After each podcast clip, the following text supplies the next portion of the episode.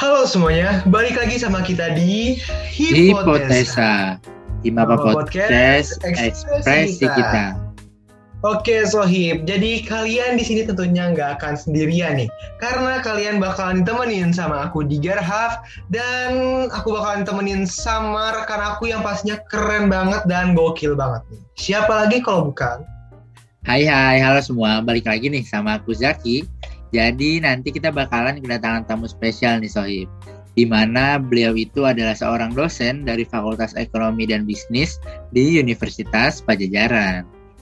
Wah, mungkin bisa nih, Zak, di-spill sedikit tentang pembicara kita hari ini. Oke, boleh banget Gar. Jadi, beliau ini merupakan dosen di beberapa mata kuliah nih, seperti pengajar manajemen keuangan, akuntansi manajerial, dan juga mengajar mata kuliah pemotongan dan pemungutan pajak. Wah, keren banget ya Jak pastinya. Bisa nge-podcast bareng sama dosen kita sendiri. Bener banget tuh Gar, apalagi kan kita bisa ngobrol-ngobrol bareng tuh sama dosen FEB yang uh, notabene dosen kita sendiri kan. Wah, bener banget Kang Zaki. Oke, Sobat Hipotesa. Kalian tentunya sudah tahu dong, sumber pendapatan terbesar negara itu berasal dari pajak. Nah, bagi kalian nih, kaum milenial yang ingin tahu lebih dalam lagi tentang pajak dan gak mau ketinggalan isu-isu terkini tentang pajak, bisa banget langsung aja didengerin Hipotesa, Himapa Podcast, ekspresi kita. Kalian bisa mendengarkan podcastnya melalui platform Spotify. Benar banget tuh. Teman-teman langsung aja ya follow dan dengerin nih podcast kita di Spotify biar nggak ketinggalan nih buat episode-episode dan info-info selanjutnya nih. Betul banget, biar nggak ketinggalan rangkaian episode-episode kita selanjutnya, Kang Zaki. Betul banget. Oke, ya. Jadi kira-kira kita hari ini bakal ngebahas tentang apa sih? Oke, jadi nih kali ini kita bakal ngebahas sesuatu yang menarik banget nih, Kang. Tentang Wah, platform digital seperti Netflix, Spotify, Shopee, dan lain-lain nih. Yang kabarnya akan dikenain pajak nih. Wah, pasti menarik banget sih ya ini pembahasannya. Dengar-dengar juga sih uh, bakal terkena pungutan pajak ya Kang Zaki sebesar 10% terhadap platform digital tersebut. Bener banget. Nah, biar kita nggak salah info nih, atau nanti termakan hoax yang enggak-enggak ya kan? Jadi langsung aja nih, kita panggil pembicara kita. Beliau ini merupakan seorang spesialis administrasi pajak dan berpengalaman sebagai auditor ex konsultan dan seorang dosen di Fakultas Ekonomi dan Bisnis Universitas Pajajaran nih. Baiklah, Sohib, mari kita sambut Bapak Dede Abdul Hasir, MAK AKCSP. Selamat malam, Pak. Malam semuanya. Terima kasih sudah undang di acara podcast ini ya. Salam kenal semuanya. Nama saya tadi sudah dikenalkan, Dede Abdul Hasir. Terima kasih ini Kang Zaki dan Kang Iga. Kang Ya, Iga. betul. Oke, siap. Iya, Kang Iga. Uh, Bapak gimana Pak kabarnya malam ini? Alhamdulillah, alhamdulillah sehat. Mudah-mudahan Kang Iga dan Kang Zaki juga sehat-sehat ya. Amin. Amin, amin, Pak. harus sehat ya Pak walaupun sedang di pandemi kayak gini harus jaga kesehatan. Iya betul, insya Allah kita jaga kesehatan selalu, jaga prokes ya. Oh, uh, Amin, amin, amin. Oke nih Pak, uh, kalau boleh tahu juga nih, uh, Dede uh, belakangan ini lagi sibuk apa sih selain belajar tentunya? Kayak misalnya Dede punya sampingan gitu kayak misalnya urusan bisnis atau apa gitu Pak? Ya baik, ya eh, pada dasarnya eh, tugas dari dosen ada tiga ya, Eh, pendidikan atau ngajar, kemudian penelitian dan pengabdian kepada masyarakat. Jadi di luar kegiatan ngajar juga ada beberapa kegiatan riset dan pengabdian kepada masyarakat tadi ya. Jadi kita melakukan beberapa kegiatan kolaborasi yang bersama dengan ya elemen-elemen masyarakat namun sekarang ini sifatnya ini uh, on off lah. Kadang online kadang offline. Begitu Kang Iga dan Kang Zaki. Oke. Iya kayak hybrid. Hybrid betul betul hybrid. Oke. Kalau gitu eh, para para sohib nih, eh, karena kita udah kedatangan tamu spesial nih ya dan pastinya beliau merupakan seorang yang sangat berkompeten juga nih dalam dunia perpajakan. Kalau gitu boleh ya Pak kita langsung ngobrol-ngobrol santai aja ya Pak sekaligus sharing-sharing nih sama nanya-nanya tentang dunia perpajakan. Baik, silakan. Mudah-mudahan bisa menjawab nih. Kayaknya Kang Zaki dan Kang Igar ini tadi udah apa nyinggung-nyinggung juga di depan tuh, udah ngerti juga soal perpajakan nih. Betul, Pak. Iya. Oke Pak, uh, hipotesa ini kan podcast untuk para pendengar supaya para pendengar ini dapat mengenal lebih dalam lagi tentang pajak ya Pak. Nah, menurut menurut Bapak nih, untuk merefresh kembali nih ingat ingatan uh, teman-teman sohib nih atau para pendengar baru, uh, mungkin uh, bisa dijelaskan sedikit gitu Pak tentang pajak itu apa dan manfaat pajak itu untuk apa sih Pak? Sih jadi pajak ini adalah sesuatu yang katanya ada sebuah slogan ya bahwa di dunia ini ada dua hal yang pasti ya. Yang pertama adalah kematian dan yang kedua adalah pajak gitu. gitu. Bahkan ketika nanti kita sudah mati pun ya kita masih dikenain pajak ya karena nanti bahwa keterangan atau sertifikat kematian kita itu di situ minimal ada e, dibubuhi materai. Nah, itu kan salah satu komponen juga dari pajak. Itu. Jadi pajak ini sesuatu yang sifatnya melekat gitu kepada hampir seluruh warga, bukan hanya di negara kita ya, tapi di seluruh dunia bahwa sifat pemungutan dari pajak itu memaksa ya. Kenapa memaksa? Karena pajak adalah sesuatu yang tadi ditanyakan Kang Zaki itu fungsinya apa dalam rangka sebetulnya untuk pembangunan ceritanya gitu ya hmm. kan fungsi pajak ada yang disebut fungsi budgeter artinya untuk membantu anggaran negara ya gitu Oke, jadi untuk pajak ini sendiri uh, banyak ya Pak manfaat ataupun gunanya baik untuk diri kita sendiri maupun buat uh, negara lah ya Pak ya. Betul, betul, betul sekali. Banyak sekali manfaatnya dan kalau kita lihat misalnya di negara Jerman gitu ya, orang Jerman itu rela uh, dipungut pajak dengan tarif sebesar 60% itu pernah mencapai Wah. 60% gitu. Jadi kalau dia punya penghasilan 10 juta yang dia bawa cuman 4 eh, juta tapi mereka eh, dalam tanda kutip ikhlas ya untuk hal itu karena misalnya fasilitas umum menjadi lebih terjamin, pendidikan dari mulai SD sampai S3 itu gratis di sana, kesehatan juga terjamin. Begitu ceritanya. Oh, okay. ayo kita ke Jerman Jack. iya, oke okay, teman-teman. Masih kecil tarifnya. Oh ya betul betul Pak. Oke para sohib nih begitulah kayaknya kira-kira gambaran tentang manfaat dan apa itu pajak sendiri ya Pak. Oh iya iya iya Oke. kurang.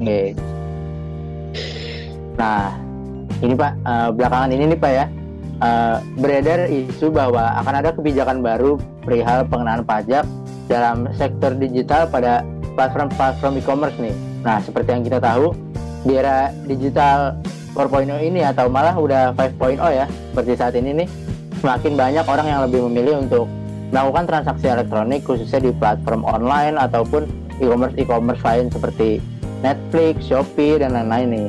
Nah, menurut Bapak nih Pak, uh, alasan alasan dikenakannya pajak pada platform digital tersebut itu apa ya Pak? Dan kenapa uh, dapat dikenakan pajak pada platform digital tersebut. Baik, eh, terima kasih.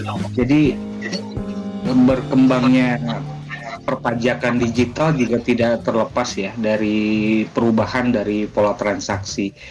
Kalau kita mengingat bahwa pada dasarnya karena tadi kan pajak itu sifatnya pasti ya, makanya dia itu nguntilin terus ya semua gerakan kita, semua aktivitas kita kalau teman-teman di sini uh, makan di rumah-rumah makan tertentu itu udah kena pajak restoran kan 10% gitu.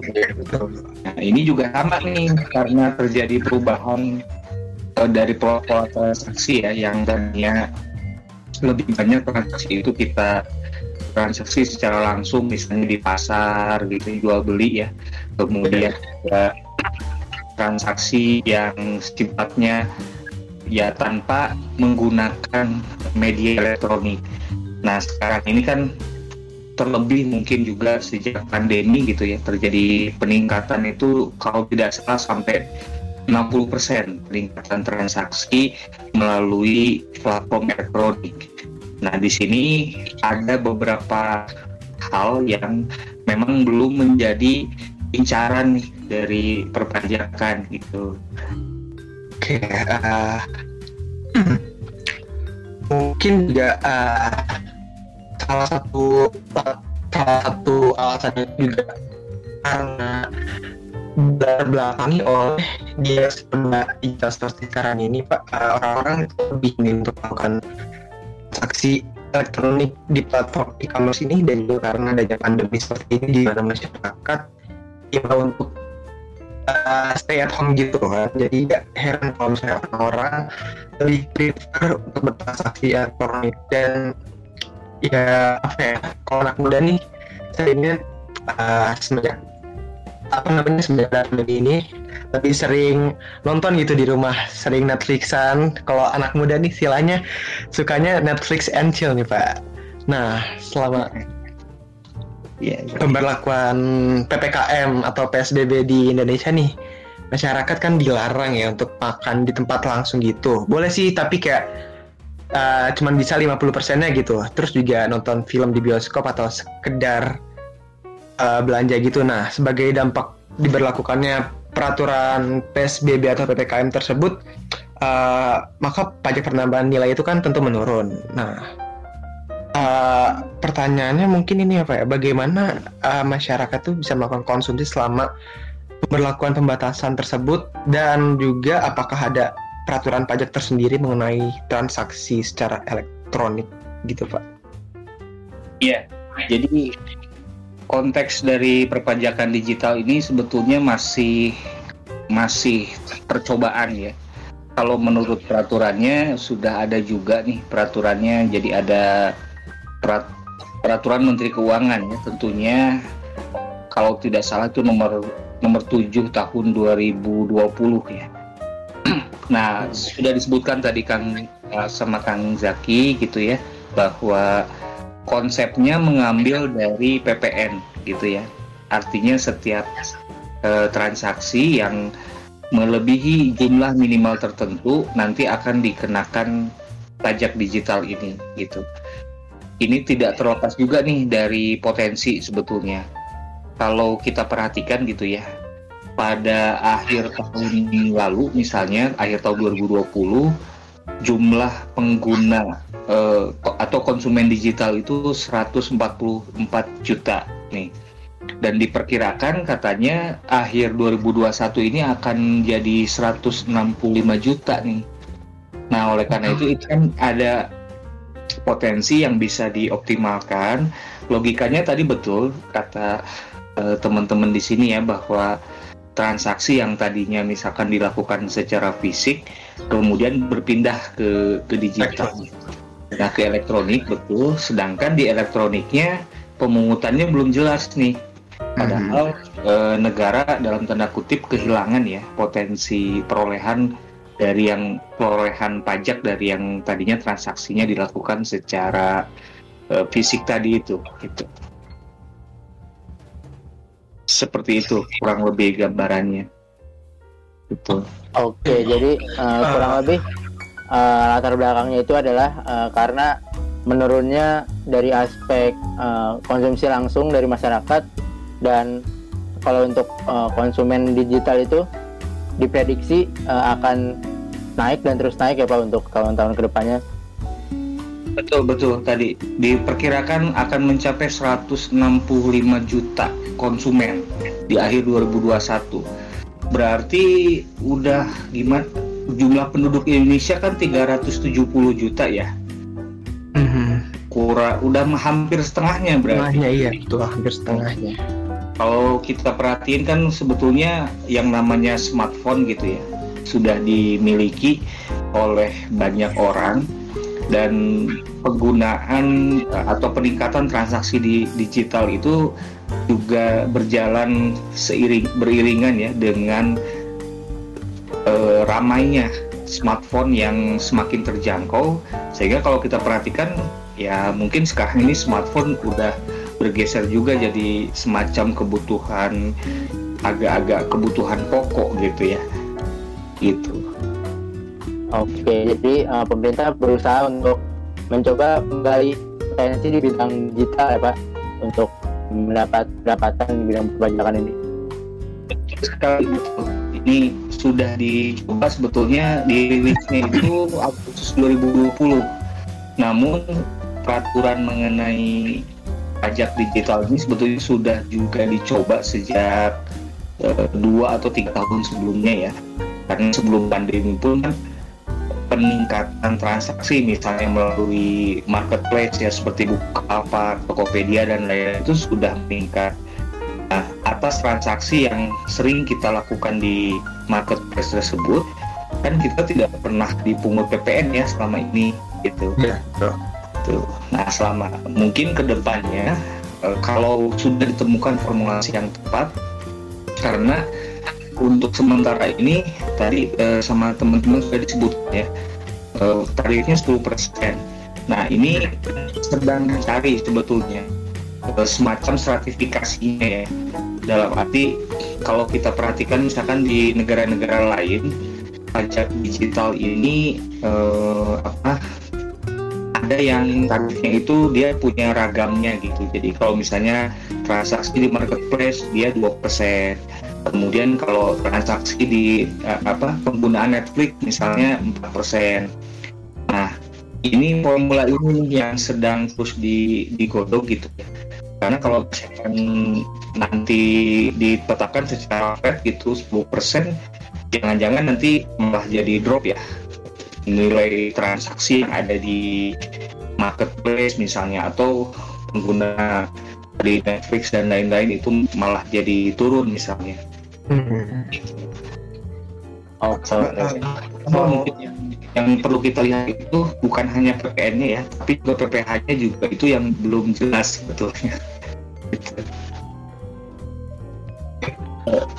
Maksudnya PPH dari eh, perusahaan-perusahaan digitalnya itu sendiri. Jadi kita bisa melihatnya dari dua sisi. Yang pertama adalah penerapan PPN atas transaksinya kemudian yang kedua PPH nih buat perusahaan yang punya platform tersebut gitu misalnya Facebook ya Facebook itu pernah mendapatkan uang dari negara kita ya sekitar 300 triliun dalam setahun. Nggak kira-kira itu ya. Jadi dari pendapatan iklan gitu. Nah, sedangkan kalau kita uh, pikirkan lagi gitu ya si Facebook ini kan ya mohon maaf ya kalau menurut saya pelit ya. Ini teman-teman pernah mendengar istilah ini nggak? Uh, wajib wajib pajak itu kan ada wajib pajak dalam negeri luar negeri ya gitu ya kemudian uh, ada yang namanya uh, eh, BUT bentuk usaha tetap ya gitu. Oh iya perusahaan tetap. Nah yang yang saya perhatikan gitu ya Facebook itu baru kemarin-kemarin tuh mengambil bentuk si BUT itu. Selama ini dia bercokol di sini, dia punya warga negara juga di sini, penggunanya mungkin berapa puluh juta, tapi dia mendapatkan pendapatan iklan terus udah ya nggak nggak dipungut apa-apa sama negara kita gitu. nah itu PPH-nya ya kalau dari situ gitu. Begitu teman-teman kira-kira banyak uh, apa ya kalau tadi disebutin soal menggali gitu. Yang bisa digali itu masih banyak sekali gitu. Bukan hanya PPN gitu. Berarti tadi tidak dikenakan PPH karena uh, tidak mempunyai kantor usaha tetapnya gitu ya Pak ya? Betul sekali. Betul. Kalau kita perhatikan kan subjek pajak itu ada orang pribadi ada badan tuh ya. Gitu hmm. ya Nah sekarang pertanyaannya Facebook misalnya, apakah Facebook ini sebuah badan? Gitu? Kan uh, dia tidak masuk kriteria itu. Netflix misalnya atau Google. Beda dengan seperti ini misalnya, uh, teman-teman pernah mendengar ini nggak Chevron misalnya? Oh iya pak, pernah pernah. Chevron ya, Chevron itu kan perusahaan oil. Dia dari Amerika ya, gitu. Nah, dia nambang uh, oil and gas di sini di negara kita, kemudian untuk bisa beroperasi di sini, syaratnya itu dia harus mendirikan uh, sebuah perusahaan gitu yang mengambil bentuk salah satu bentuk badan hukum yang diakui di Indonesia. Makanya ada yang namanya uh, Chevron Indonesia misalnya. Tapi di depannya ada PT-nya tuh. Jadi PT Chevron Indonesia. Nah sekarang ada nggak PT Facebook Indonesia? Belum ada, ada sih pak. Belum ada sih. Nggak ada kan? Gitu. Iya pak. Kayaknya sih belum ada sih pak.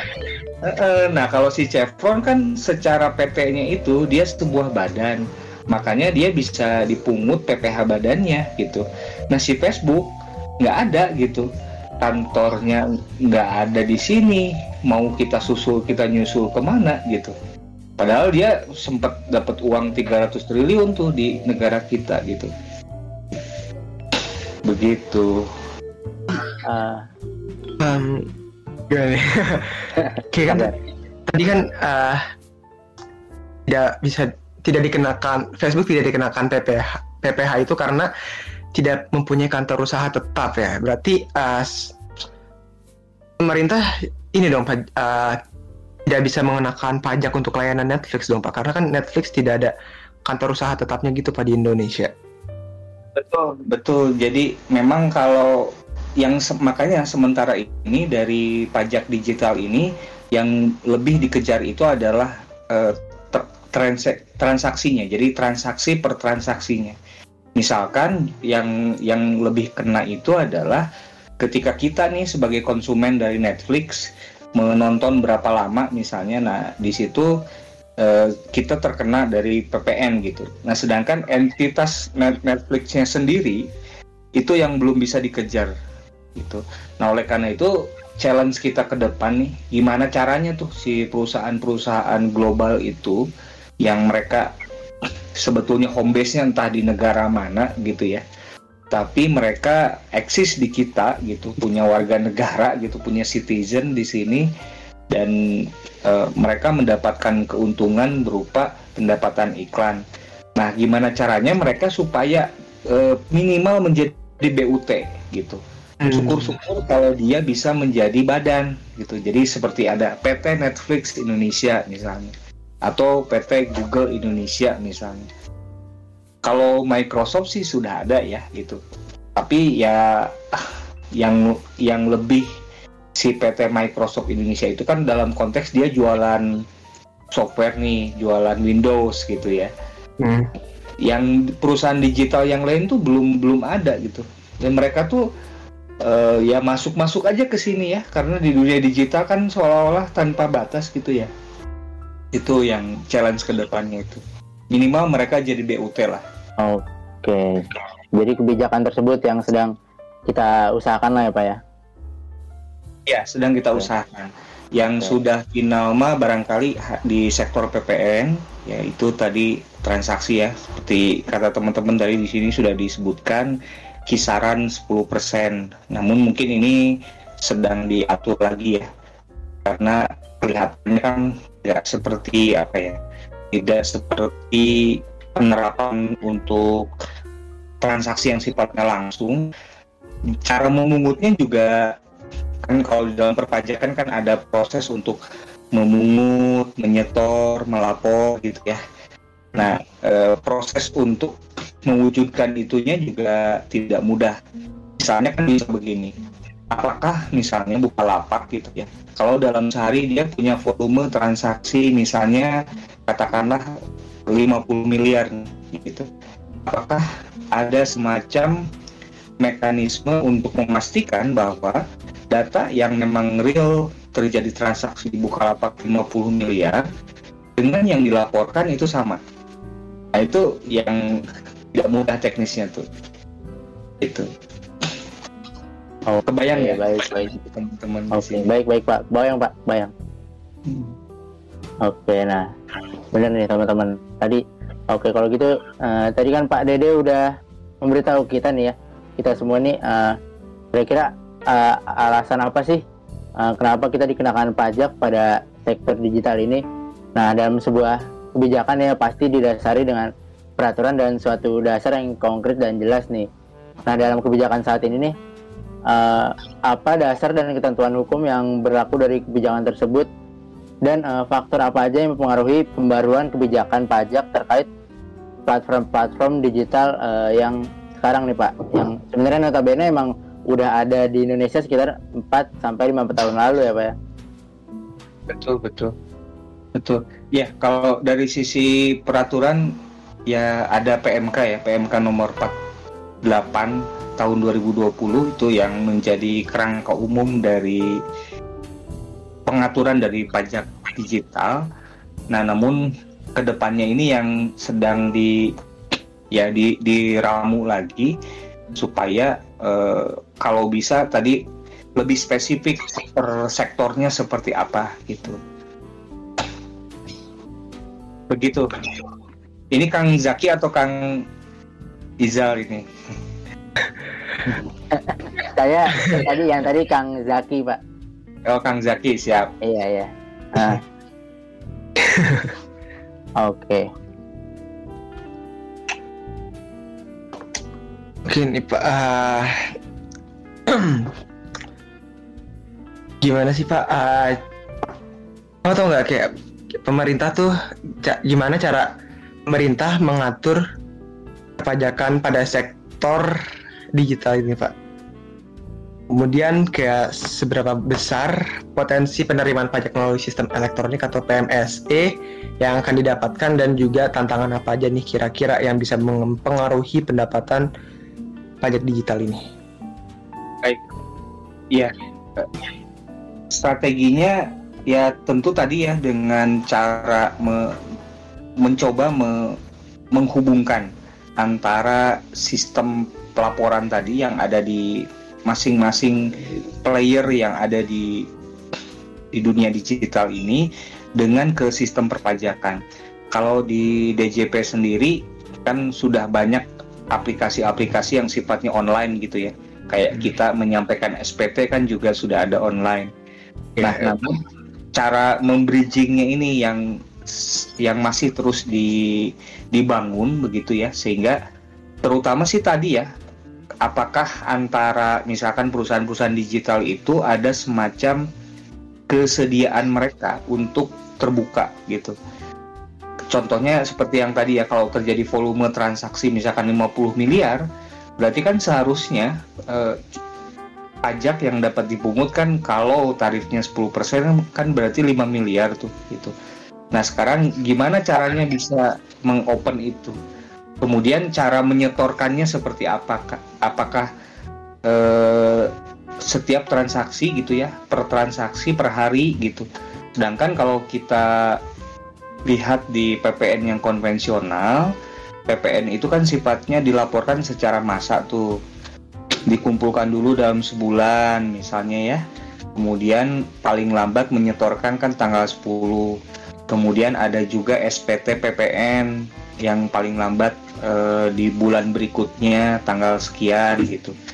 Nah, itu kalau untuk transaksi fisik sudah seperti itu pengaturannya. Nah sekarang kalau transaksi digital ini mau bagaimana nih? Apakah harian penyetorannya gitu ya atau atau bulanan juga gitu misalnya? Ini yang yang ngasih di terus dijadikan challenge.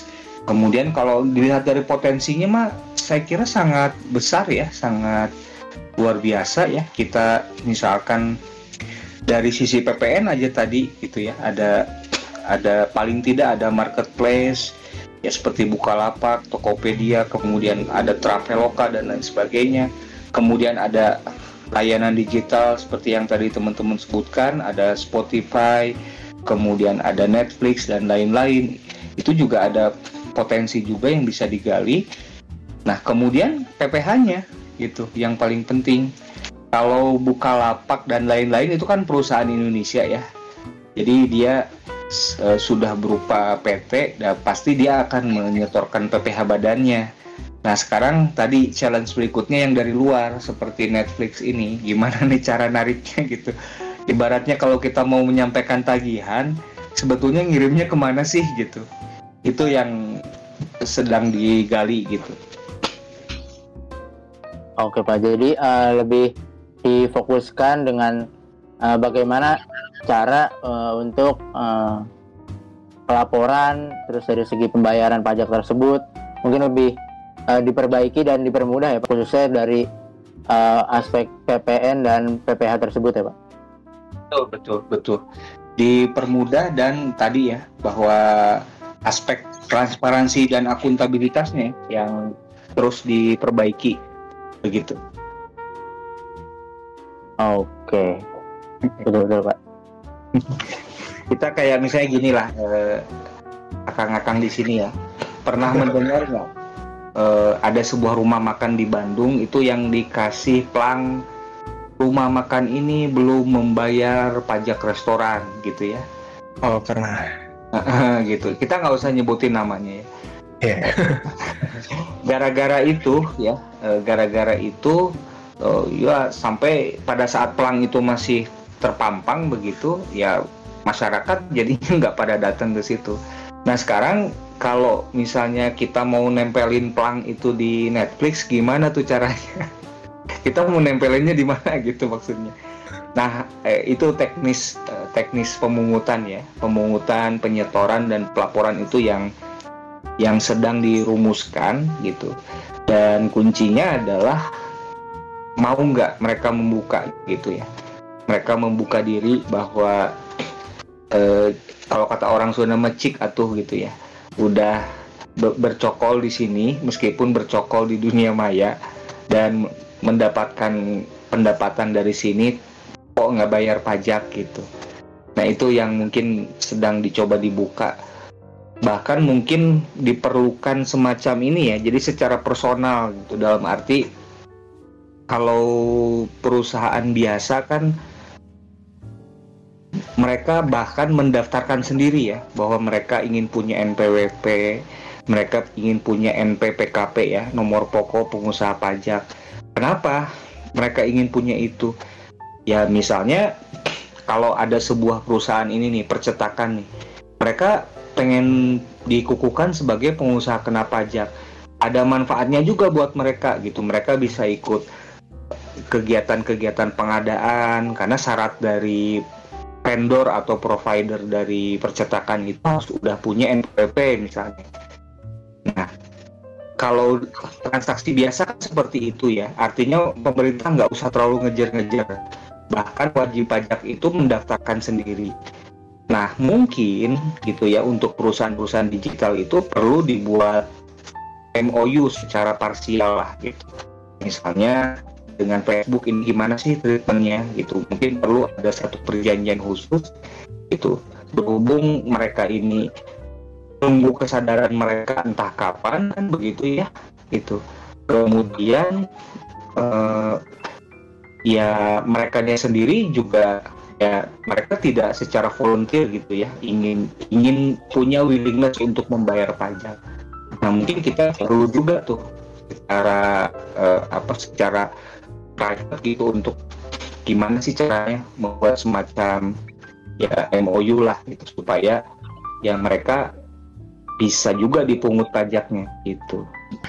Oke, berarti kalau dari segi potensi itu udah sangat besar ya Pak dari sisi PPN itu udah ada marketplace seperti Tokopedia, Shopee dan lain-lain. Terus juga uh, layanan digital seperti Netflix, Spotify dan lain-lain. Kemudian uh, kalau dari challenge-nya itu uh, lebih dari luarnya itu kayak uh, gimana nih supaya uh, platform digital tersebut uh, bisa menjadi sebuah badan usaha tetap gitu ya Pak kurang lebih.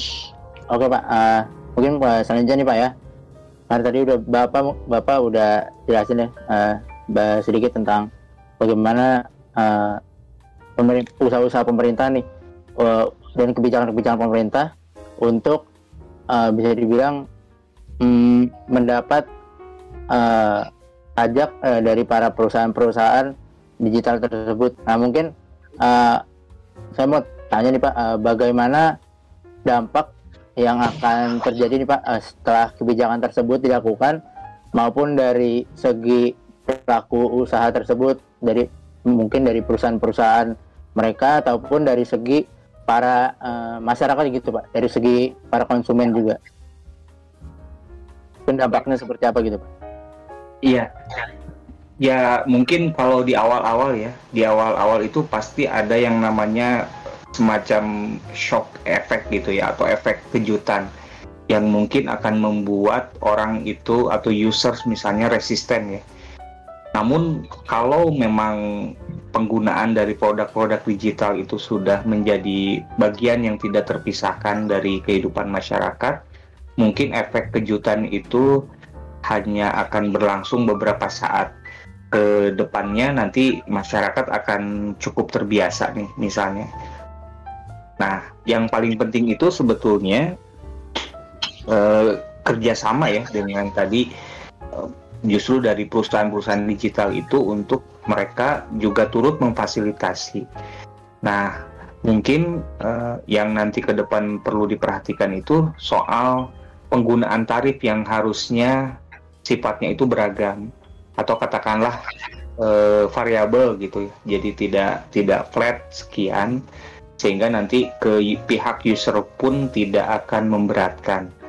Kan kita pernah dengar ya ada lagu ya apa ringtone atau apa yang akan dikenakan pajak juga misalnya nah itu juga mungkin perlu dipertimbangkan soal penerapan tarif gitu makanya challenge-nya itu inventarisir dulu nih inventarisir jenis-jenis transaksi di dunia digital tuh ada apa aja sih. Kemudian nanti per kelompok itu kita pecah-pecah lagi. Nah, itu mungkin juga nih bagi mahasiswa akuntansi pajak misalnya ya untuk mencoba mengkaji itu.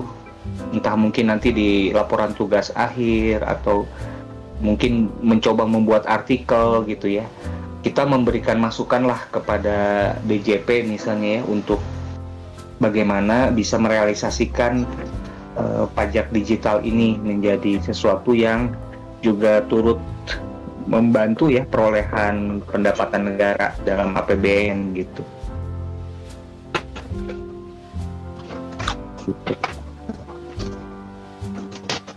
Begitu akan akan kita ke depannya gitu ya. Oke pak, uh, mungkin ini uh, last question dari kita. Uh, kira-kira nih hal apa saja yang perlu diperbaiki oleh pemerintah dalam mengatasi permasalahan kita? Kalau menurut pendapat saya pribadi itu yang perlu diperbaiki itu dari sistem dan pelaksanaannya maupun ini termasuk kepatuhan membayar melakukan dan membayarkan PPN terus juga uh, harapan nih untuk kali Indonesia gimana? Baik, terima kasih. Ya, saya kira saya juga punya harapan yang sama ya bahwa tadi harus ada sistem pemungutan atau mekanisme pemungutan yang mumpuni karena kita berhubungan dengan tadi sebuah aplikasi ataupun sistem-sistem yang berteknologi sangat tinggi ya. Keberadaan mereka kita tidak tahu gitu ya. Dan itu merupakan challenge bagi kita. Nah, bagaimana caranya? Dalam hal ini adalah nah kan kalau secara umum lah soal terkait dengan bagaimana kita akan comply tadi eh, disebutkan soal kepatuhan tadi ya soal kepatuhan ada ada dua hal kan ada yang namanya ATP ya atau ability to pay kemudian ada willingness to pay atau WTP Nah, dua hal ini sebetulnya sering kali berbeda ya. Kita punya ATP yang tinggi nih, ability to pay yang tinggi, tapi kita tidak punya willingness to pay yang tinggi. Nah, ini nggak nyambung gitu. Nah, idealnya kan, kan uh, willingness to pay kita juga cukup baik. Nah, keinginan atau willingness to pay ini ya tadi tentu dari dua sisi dalam hal ini dari user atau dari apa dari pengguna dari produk digital dalam hal ini adalah masyarakat bahwa kita hanya perlu menyadari bahwa perpajakan adalah sesuatu yang sangat menopang ya di dalam uh, perolehan dari uh, pendapatan untuk negara kita ya. Kalau kita perhatikan kan kalau zaman dulu misalnya yang menopang APBN itu dari perolehan oil and gas misalnya. Kalau sekarang kan yang terbesar itu adalah dari pajak. Dan bahwa hasil dari pajak itu kan akan kembali ke kita juga ya. Akan kembali ke masyarakat untuk pendidikan, untuk pembangunan misalnya dan lain-lain.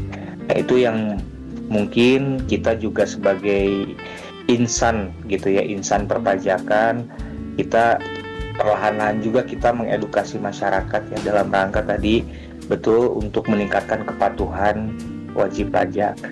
Ya, yang keduanya ya dari sisi perusahaan-perusahaannya tadi gitu bahwa mereka juga didorong tentunya supaya willingness untuk membayarnya itu juga tinggi ya kita bukakan dulu pintu kesadaran gitu ya. Pintu kesadaran di dalam katakanlah di dalam hati mereka gitu bahwa eh, sangat penting perpajakan ini dan dibutuhkan oleh negara. Harapannya begitu mungkin. Kalau secara umum harapan untuk perpajakan Indonesia saya kira juga setuju ya bahwa mudah-mudahan masyarakat ke depannya semakin menyadari ya arti penting dari perpajakan. Karena memang di kita kan juga ada yang disebut dengan tax ratio ya. Tax ratio itu uh, kemampuan dari pemungutan pajak secara umum ini kita masih rendah sebetulnya tax ratio di kita. Ya mungkin masyarakat masih ada tuh beberapa golongan masyarakat yang ingin mencoba menghindari dan bahkan tempo hari kan sudah pernah diadakan tax amnesty ya atau pengampunan pajak gitu. Nah itu juga suatu upaya lah dari pemerintah untuk uh, ya katakanlah kita bukakan pintu gitu. Uh, pengampunan itu kan semacam ya sudahlah yang dosa-dosa di masa lalu itu di diampuni begitu kita buka lembaran baru gitu. Ya mungkin ke depannya juga akan ada eh, event-event seperti itu lagi gitu. Begitu kira-kira. Oke jadi uh, kurang lebih harapannya itu um, untuk masyarakat agar semakin memahami apa untuk arti penting dari perpajakan tersebut dan mungkin faktor-faktor yang menjadi penentu kepatuhan pajak antara lain yang tadi Bapak sebutkan ada dua yaitu uh, ATP dan WTP itu sendiri mudah-mudahan uh, dapat dicapai oleh para uh, masyarakat kita ya Pak. Mungkin yang paling penting dari akar kesadaran itu sendiri adalah uh, masyarakat harus teredukasi dengan baik ya Pak. Betul, terinformasikan dulu ya, terinformasikan dulu karena ya sekarang ini kan zamannya apa informasi itu berseliweran sedemikian rupa ya. Sehingga sering kali eh, bahkan juga eh, ada yang disebut dengan pseudo science ya. Jadi ada science atau eh, pengetahuan ada pseudo science jadi pseudo itu apa ya? Kayak semacam eh, ya seperti ilmu pengetahuan tapi sebetulnya bukan. Nah itu yang banyak uh, bertebaran tuh terutama di dunia maya ya sehingga orang itu kadang-kadang jadi bingung mana yang benar mana yang salah gitu. Nah tugas kita yang kita yang sudah mengetahui terlebih dahulu kita yang lebih terdidik ya kita yang uh, apa menempuh pendidikan bahkan secara spesifik misalkan pada bidang perpajakan ini ya menjadi amal kita lah barangkali ya. Menjadi amal kita untuk kalau kita mencoba mensosialisasikan juga gitu. Karena saya yakin ya kalau pemerintah dalam hal ini misalkan eh, DJP tidak akan sanggup untuk melakukan fungsi sosialisasi itu jika tidak dibantu oleh kita gitu. Oke, terima kasih Pak. Mungkin itu ya Pak, kurang lebih untuk harapan-harapannya dari Pak Dede sendiri nih untuk uh, perpajakan kita ke depannya lah. Oke, nah setelah tadi nih Pak, uh, Bapak mengungkapkan harapannya nih Pak, mungkin sekarang boleh Pak uh, untuk mengungkapkan closing statement nih buat para pendengar hipotesa maupun bagi para milenial maupun dari uh, para pendengar-pendengar kita di luar sana nih Pak. Silakan Pak. Baik, terima kasih sebelumnya uh, sudah mengajak pada cara podcast ini ya. Mudah-mudahan apa yang kita diskusikan menjadi sesuatu yang bermanfaat. Mohon maaf kalau ada hal-hal yang mungkin sebetulnya belum sesuai dengan konsep ataupun teorinya ataupun juga belum sesuai dengan perkembangan terkini. Harapan saya barangkali terkait dengan pajak digital ini mudah-mudahan ini menjadi sesuatu yang dapat kita realisasikan dalam waktu ke depan. Dan tentunya kita akan menempuh hal ini secara bertahap ya. Seiring dengan uh, tadi yang level dari uh, edukasinya dulu ya semakin meningkat soal perpajakan digital ini barulah nanti enforcementnya atau katakanlah uh, penegakannya dari sisi hukum perpajakannya kalau tidak begitu mungkin uh, sulit nanti gitu terima kasih banyak. Mohon maaf kalau sekali lagi mohon maaf kalau ada kesalahan atau ada kekurangan. Nah, gimana nih Sobat Hipotesa, pemaparan dari Pak Dede barusan tentang pengenaan pajak sektor digital platform e-commerce. Tentunya itu tadi dapat menambah wawasan kita semakin luas dan tentunya bermanfaat bagi kita nih. Betul banget nih. Pastinya bisa memperkaya pengetahuan kita nih di bidang perpajakan. Semoga bisa meresap semua ilmu dan pengetahuan ataupun pengalaman yang diberikan oleh Pak Dede itu sendiri ya dan semoga kita semua bisa lebih sadar dan makin peduli akan dunia perpajakan. Amin. Nah, sohib, sobat hipotesa, karena tadi kita udah denger sama-sama nih pemaparan dari Pak Dede, kita juga udah sharing-sharing bareng, udah cerita pengalaman bareng juga, dan semua jawaban dari Pak Dede itu sangat menjawab banget pertanyaan kita. Kalau gitu, kami berdua selaku podcaster ingin mengucapkan banyak terima kasih terlebih dahulu nih kepada Pak Dede yang udah bisa dan mau meluangkan waktunya untuk menjadi narasumber di hipotesa kali ini. Dan kami mohon maaf apabila selama acara terdapat kesalahan kata maupun perbuatan, Pak. Iya, sama-sama. Terima kasih ya udah ngajakin ngobrol di sini. Alhamdulillah, hatur nuhun. Baiklah, saya Digar Haf dan rekan saya. Saki Farezi mohon pamit undur suara. Jangan lupa buat dengerin kita di episode kali ini. Dan jangan lupa juga buat follow Hipotesa di platform Spotify biar kalian nggak ketinggalan nih episode-episode menarik lainnya, oke? Okay? Stay, safe and keep, and keep curious. See you.